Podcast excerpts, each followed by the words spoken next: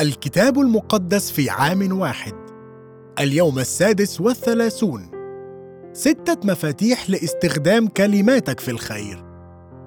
تحتوي اللغة الإنجليزية على أكثر من مليون كلمة بما فيها الكلمات العلمية.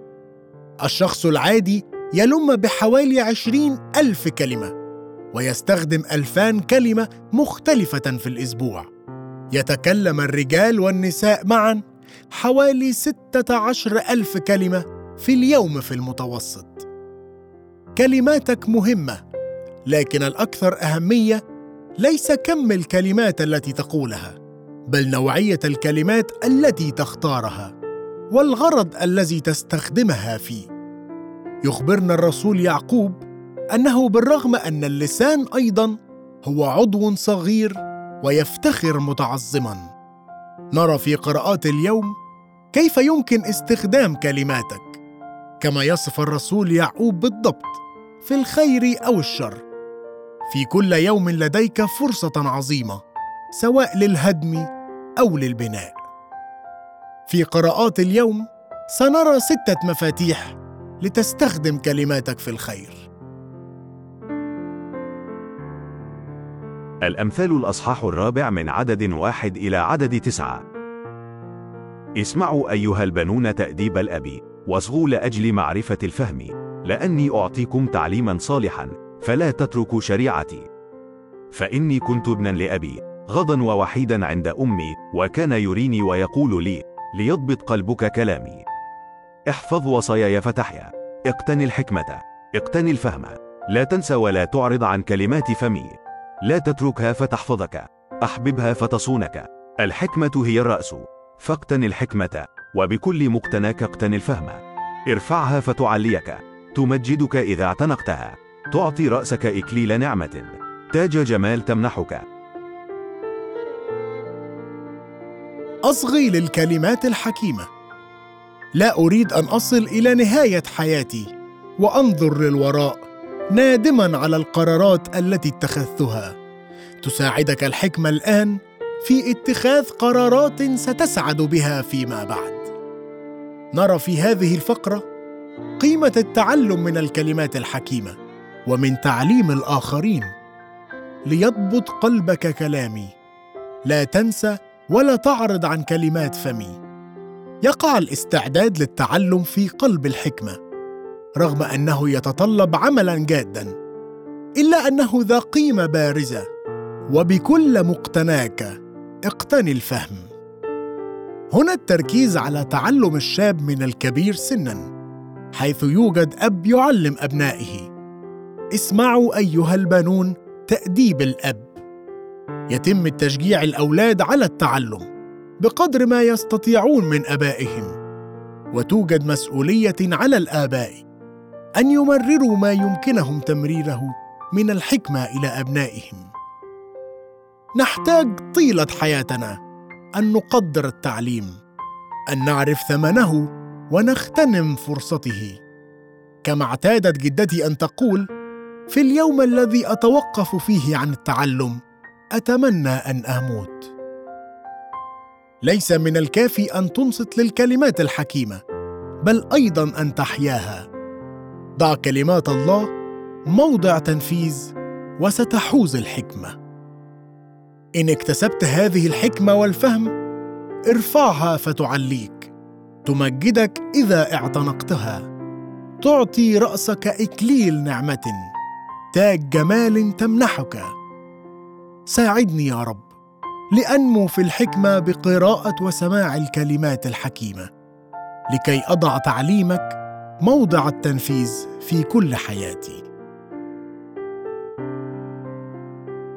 متى الأصحاح الرابع والعشرون من عدد واحد إلى عدد واحد وثلاثون؟ ثم خرج يسوع ومضى من الهيكل فتقدم تلاميذه لكي يروه أبنية الهيكل. فقال لهم يسوع أما تنظرون جميع هذه؟ الحق أقول لكم إنه لا يترك هنا حجر على حجر لا ينقض. وفيما هو جالس على جبل الزيتون تقدم إليه التلاميذ على انفراد قائلين قل لنا متى يكون هذا؟ وما هي علامة مجيئك وانقضاء الدهر؟ فأجاب يسوع وقال لهم انظروا لا يضلكم أحد فإن كثيرين سيأتون باسمي قائلين أنا هو المسيح ويضلون كثيرين وسوف تسمعون بحروب وأخبار حروب. انظروا لا ترتاعوا. لأنه لا بد أن تكون هذه كلها ولكن ليس المنتهى بعد. لأنه تقوم أمة على أمة ومملكة على مملكة وتكون مجاعات وأوبئة وزلازل في أماكن. ولكن هذه كلها مبتدأ الأوجاع. حينئذ يسلمونكم إلى ضيق ويقتلونكم وتكونون مبغضين من جميع الأمم لأجل اسمي وحينئذ يعثر كثيرون ويسلمون بعضهم بعضا ويبغضون بعضهم بعضا. ويقوم أنبياء كذبة كثيرون ويضلون كثيرين. ولكثرة الإثم تبرد محبة الكثيرين. ولكن الذي يصبر إلى المنتهى فهذا يخلص. ويكرز ببشارة الملكوت هذه في كل المسكونة شهادة لجميع الأمم. ثم يأتي المنتهى. فمتى نظرتم؟ رجسة الخراب التي قال عنها دانيال النبي قائمة في المكان المقدس. ليفهم القارئ فحينئذ ليهرب الذين في اليهودية إلى الجبال. والذي على السطح فلا ينزل ليأخذ من بيته شيئا والذي في الحقل فلا يرجع إلى ورائه ليأخذ ثيابه. وويل للحبال والمرضعات في تلك الأيام. وصلوا لكي لا يكون هربكم في شتاء ولا في سبت لأنه يكون حينئذ ضيق عظيم لم يكن مثله منذ ابتداء العالم إلى الآن ولن يكون. ولو لم تقصر تلك الأيام لم يخلص جسد. ولكن لأجل المختارين تقصر تلك الأيام. حينئذ إن قال لكم أحد هو ذا المسيح هنا. أو هناك. فلا تصدقوا لأنه سيقوم مسحاء كذبة وأنبياء كذبة ويعطون آيات عظيمة وعجائب حتى يضلوا لو أمكن المختارين أيضا. ها أنا قد سبقت وأخبرتكم. فإن قالوا لكم ها هو في البرية. فلا تخرجوا ها هو في المخادع. فلا تصدقوا. لأنه كما أن البرق يخرج من المشارق ويظهر إلى المغارب. هكذا يكون أيضا مجيء ابن الإنسان. لأنه حيثما تكن الجثة فهناك تجتمع النسور. وللوقت بعد ضيق تلك الأيام تظلم الشمس والقمر لا يعطي ضوءه والنجوم تسقط من السماء وقوات السماوات تتزعزع. وحينئذ تظهر علامة ابن الإنسان في السماء. وحينئذ تنوح جميع قبائل الأرض. ويبصرون ابن الإنسان آتيا على سحاب السماء بقوة ومجد كثير. فيرسل ملائكته ببوق عظيم الصوت فيجمعون مختاريه من الأربع الرياح من أقصاء السماوات إلى أقصائها. تمسك بكلمات يسوع. متى ينتهي العالم؟ وكيف سينتهي؟ تدور كلمات يسوع هنا لتلاميذه حول المستقبل. إنه يجيب أسئلتهم حول سقوط أورشليم والذي حدث في عام سبعين ميلادية وحول أزمنة النهاية. يمكن أن تبدو الفقرة مثيرة للحيرة لأنه من الصعب أن تفصل بين الموضوعين. لم يكن غرض يسوع إعطاء مخطط محدد للمستقبل بل أن يساعد تلاميذه ألا يقلقوا أو يتشتت تفكيرهم بما سوف يحدث. يقول يسوع عند نهاية هذا المقطع والذي يبدأ اليوم وينتهي غدا أن السماء والأرض تزولان ولكن كلامي لا يزول. يوجد الكثير من المجهول فيما يخص الأزمنة الأخيرة لكن توجد أمور واضحة. سيكون هناك الكثير من الادعاءات الزائفة. سيكون هناك اضطراب وإضطهاد. وانقسام وربما ارتداد. ستبرد محبة الكثيرين. عندما يحين المنتهى سيكون هذا واضحا لكل واحد. في أول مرة أتى يسوع في صورة تبدو ضعيفة. في ثاني مرة يأتي فيها سيعود في قوة. بينما تنتظر يسوع ليعود تمسك بكلماته. وارفض أن تسمح لمحبتك أن تبرد. من الواجب أن تحفظ قلبك في محبة متقدة له متذكرا محبتك الأولى. وكما تكتب جويس ماير أوقد المحبة في حياتك تجاه شريك حياتك وتجاه عائلتك وأصدقائك وجيرانك والعاملين معك. مد يدك للآخرين الذين يجرحون والمحتاجين. صل من أجل الناس وباركهم. كن في نمو مستمر إلى أن تكون واحدة من الأفكار الأولى بقلبك كل صباح. هي كيف تبارك شخصا آخر اليوم؟ ميز الكلمات النبوية. النبوة هي موهبة من الروح القدس. أنصت بعناية لكلمات النبي. تذكرنا هذه الفقرة بأهمية النبوة الحقيقية والأصلية. رغم أنه لن تحوز نبوات اليوم نفس مستوى سلطان النبوات الموجودة في الكتاب المقدس. أنت بحاجة لأن تميز بين النبوة الصحيحة والنبوة المزيفة. يحذر يسوع من الأنبياء الكذبة ويقوم أنبياء كذب كثيرون ويضلون كثيرين. يحذر من أن الأنبياء الكذبة سيحاولون أن يخدعوا الناس بادعائهم أنا المسيح. سيقول الناس هو ذا المسيح هنا أو هناك. يحذرنا يسوع من أن نصدقهم. إنهم مسحاء كذبة وأنبياء كذبة ويعطون آيات عظيمة وعجائب حتى يضلوا لو أمكن المختارين أيضا. من ناحية أخرى يؤكد يسوع على كلمات الأنبياء الحقيقيين فهو يعلن أن الكلمات التي قال عنها دانيال النبي ستتم وستتحقق. ويقتبس من النبي إشعياء تظلم الشمس والقمر لا يعطي ضوءه والنجوم تسقط من السماء وقوات السماوات تتزعزع. في الواقع في وصفه لعودته ثانية يقدم دليلا ضمنيا بكونه ابن الإنسان المسيا الذي تنبأ عنه دانيال. تكلم بكلمات تغير الحياة. غيرت كلمات يسوع حياتي تماما. عندما كنت في الثامنة عشر من عمري من ذلك الحين أشاهد بفرح وغالبا باندهاش قوة رسالته على تغيير حياة الآخرين. بين مجيء يسوع الأول ومجيئه الثاني أعطيت لنا مهمة أخذ رسالة الإنجيل. التي تغير الحياة إلى العالم أجمع. ويكرز ببشارة الملكوت هذه في كل المسكونة شهادة لجميع الأمم. ثم يأتي المنتهى. كلمات الإنجيل قوية وتغير الحياة. كتب الرسول بولس لأني لست أستحي بإنجيل المسيح لأنه قوة الله للخلاص لكل من يؤمن. لا تتخلى ابدا عن الإخبار بالإنجيل. لديك امتياز عظيم لكونك قد اؤتمنت على الكلمات ذات القدرة على تغيير حياة الناس بصورة جذرية. بالنسبة لهذه الحياة وإلى الأبد. أشكرك يا رب لأن كلماتك أبدية. أشكرك من أجل الامتياز الرائع وهو استطاعتي أن أستخدم أقوى كلمات في العالم. لأرى حياة الناس تتغير بيسوع المسيح ساعدني لأنتهز كل فرصة لأقدم تلك الرسالة لأكبر عدد ممكن من الناس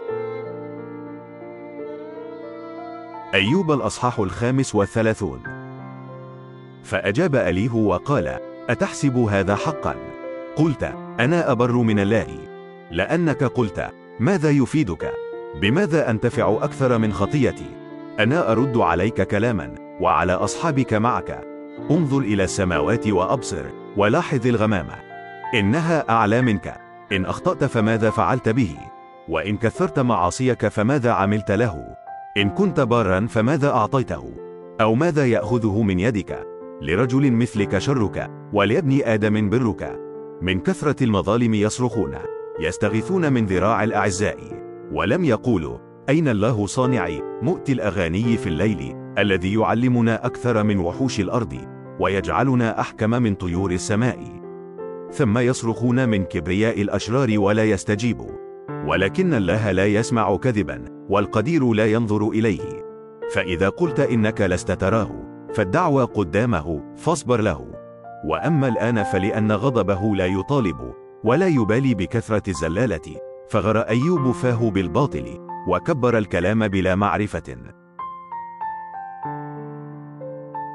أيوب الأصحاح السادس والثلاثون. وعاد أليه فقال أصبر علي قليلا فأبدي لك أنه بعد لأجل الله كلام. أحمل معرفتي من بعيد وأنسب برا لصانعي. حقا لا يكذب كلامي. صحيح المعرفة عندك. هو ذا الله عزيز ولكنه لا يرذل أحدا. عزيز قدرة القلب لا يحيي الشرير بل يجري قضاء البائسين. لا يحول عينيه عن البار بل مع الملوك يجلسهم على الكرسي أبدا فيرتفعون. إن أوثقوا بالقيود إن أخذوا في حبالة الذل فيظهر لهم أفعالهم ومعاصيهم. لأنهم تجبروا ويفتح آذانهم للإنذار ويأمر بأن يرجعوا عن الإثم. إن سمعوا وأطاعوا قضوا أيامهم بالخير وسنيهم بالنعم. وإن لم يسمعوا فبحربة الموت يزولون ويموتون بعدم المعرفة. أما فجار القلب فيذخرون غضبا لا يستغيثون إذا هو قيدهم. تموت نفسهم في الصبا وحياتهم بين المأبونين. ينجي البائس في ذله ويفتح آذانهم في الضيق. وأيضا يقودك من وجه الضيق إلى رحب لا حصر فيه ويملأ مؤونة مائدتك دهنا. حجة الشرير أكملت. فالحجة والقضاء يمسكانك. عند غضبه لعله يقودك بصفقة. فكثرة الفدية لا تفكك. هل يعتبر غناك؟ لا اتبا ولا جميع قوة الثروة لا تشتاق إلى الليل الذي يرفع شعوبا من مواضعهم. احذر. لا تلتفت إلى الإثم لأنك اخترت هذا على الذل. هو ذا الله يتعالى بقدرته. من مثله معلما؟ من فرض عليه طريقه؟ أو من يقول له قد فعلت شرا؟ اذكر أن تعظم عمله الذي يغني به الناس. كل إنسان يبصر به. الناس ينظرونه من بعيد. هو ذا الله عظيم ولا نعرفه وعدد سنيه لا يفحص. لأنه يجذب قطار الماء. تسح مطرا من ضبابها الذي تهطله السحب وتقطره على أناس كثيرين. فهل يعلل أحد عن شق الغيم أو قصيف مظلته؟ هو ذا بسط نوره على نفسه. ثم يتغطى بأصول اليم. لأنه بهذه يدين الشعوب ويرزق القوت بكثرة. يغطي كفيه بالنور ويأمره على العدو. يخبر به رعده. المواشي أيضا بصعوده. أيوب الأصحاح السابع والثلاثون. فلهذا اضطرب قلبي وخفق من موضعه اسمعوا سماعا رعد صوته والزمزمة الخارجة من فيه. تحت كل السماوات يطلقها. كذا نوره إلى أكناف الأرض. بعد يزمجر صوت يرعد بصوت جلله ولا يؤخرها إذ سمع صوته. الله يرعد بصوته عجبا. يصنع عظائم لا ندركها لأنه يقول للثلج اسقط على الأرض. كذا لوابل المطر وابل أمطار عزه. يختم على يد كل إنسان ليعلم كل الناس خالقهم. فتدخل الحيوانات المآوية وتستقر في أوجرتها. من الجنوب تأتي الأعصار ومن الشمال البرد. من نسمة الله يجعل الجمد وتتضيق سعة المياه. أيضا بري يطرح الغيم يبدد سحاب نوره. فهي مدورة متقلبة بإدارته لتفعل كل ما يأمر به على وجه الأرض المسكونة سواء كان للتأديب أو لأرضه أو للرحمة يرسلها. انصت إلى هذا يا أيوب وقف وتأمل بعجائب الله. أتدرك انتباه الله إليها؟ أو إضاءة نور سحابه أتدرك موازنة السحاب معجزات الكامل المعارف. كيف تسخن ثيابك إذا سكنت الأرض من ريح الجنوب؟ هل صفحت معه الجلد الممكن كالمرآة المسبوكة؟ علمنا ما نقول له. إننا لا نحسن الكلام بسبب الظلمة. هل يقص عليه كلامي إذا تكلمت؟ هل ينطق الإنسان لكي يبتلع؟ والآن لا يرى النور الباهر الذي هو في الجلد ثم تعبر الريح فتنقيه. من الشمال يأتي ذهب. عند الله جلال مرهب. القدير لا ندركه عظيم القوة والحق وكثير البر. لا يجاوب. لذلك فلتخفه الناس. كل حكيم القلب لا يراعي. تجنب التفوه بكلمات فارغة. استمر هجوم أليه الكلامي. بخليطه المعتاد من الزيف وأنصاف الحقائق. فقد قال حقا لا يكذب كلامي. في الواقع كانت كلماته كاذبة. لقد اقترح أن خطايانا لا تؤثر على الله. في الواقع لخطايانا تأثير بالفعل على الله كما نرى بأعلى درجة في صليب المسيح. ومن المفارقات أنه قال شيئا بخصوص أيوب رغم كونه لا ينطبق على أيوب. إلا أنه كان ينطبق في الحقيقة عليه هو. فقد قال فغر أيوب فاه بالباطل وكبر الكلام بلا معرفة. يا أيوب كل حديثك كلام فارغ بلا توقف. هذا وصف كامل لكلام اليهو إنه حديث فارغ بلا معرفة. فاليهو يلك الكلام منتقدا أيوب. لا تعني حقيقة أننا جميعا قادرين على التفوه بكلام فارغ. أننا ينبغي أن نكون صامتين. بل تعني أننا ينبغي أن ندرك الإمكانية الضخمة. أنه على كل إنسان أن يؤثر في حياة الآخرين. من خلال لسانه. ربما لا نملك القوة التي تأتي من المال أو الشهرة أو المكانة لكن جميعنا لدينا القوة والإمكانية التي تأتي من كوننا قادرين أن نتواصل بالكلمات. ضع كلمات الله موضع تنفيذ. قال اليهو عددا من الأشياء في الفقره بخصوص كلمات الله. حمدا لله أن الرب على وشك أن يتكلم بنفسه. يا لها من راحة فقد كان لدينا اصحاحا بعد إصحاح من التعزية المزيفة والكلمات الفارغة. إننا نعيش في عالم هذه صورته ويا لها من راحة عندما يتكلم الله. كلمات الله مثل المن من السماء ومثل مياه في الصحراء. يا رب لتكن الكلمات التي أقولها اليوم مسوقة بالروح القدس. ضع حارسا على شفتي وراقب لساني. أشكرك لأنك تتكلم معي. ولأن كلماتك قوية جدا وتغير الحياة. ساعدني لكي أكون شخصا يسمع كلماتك ويتكلم بها ويضعها موضع التنفيذ. إنني أجد أليه مزعجا بعض الشيء.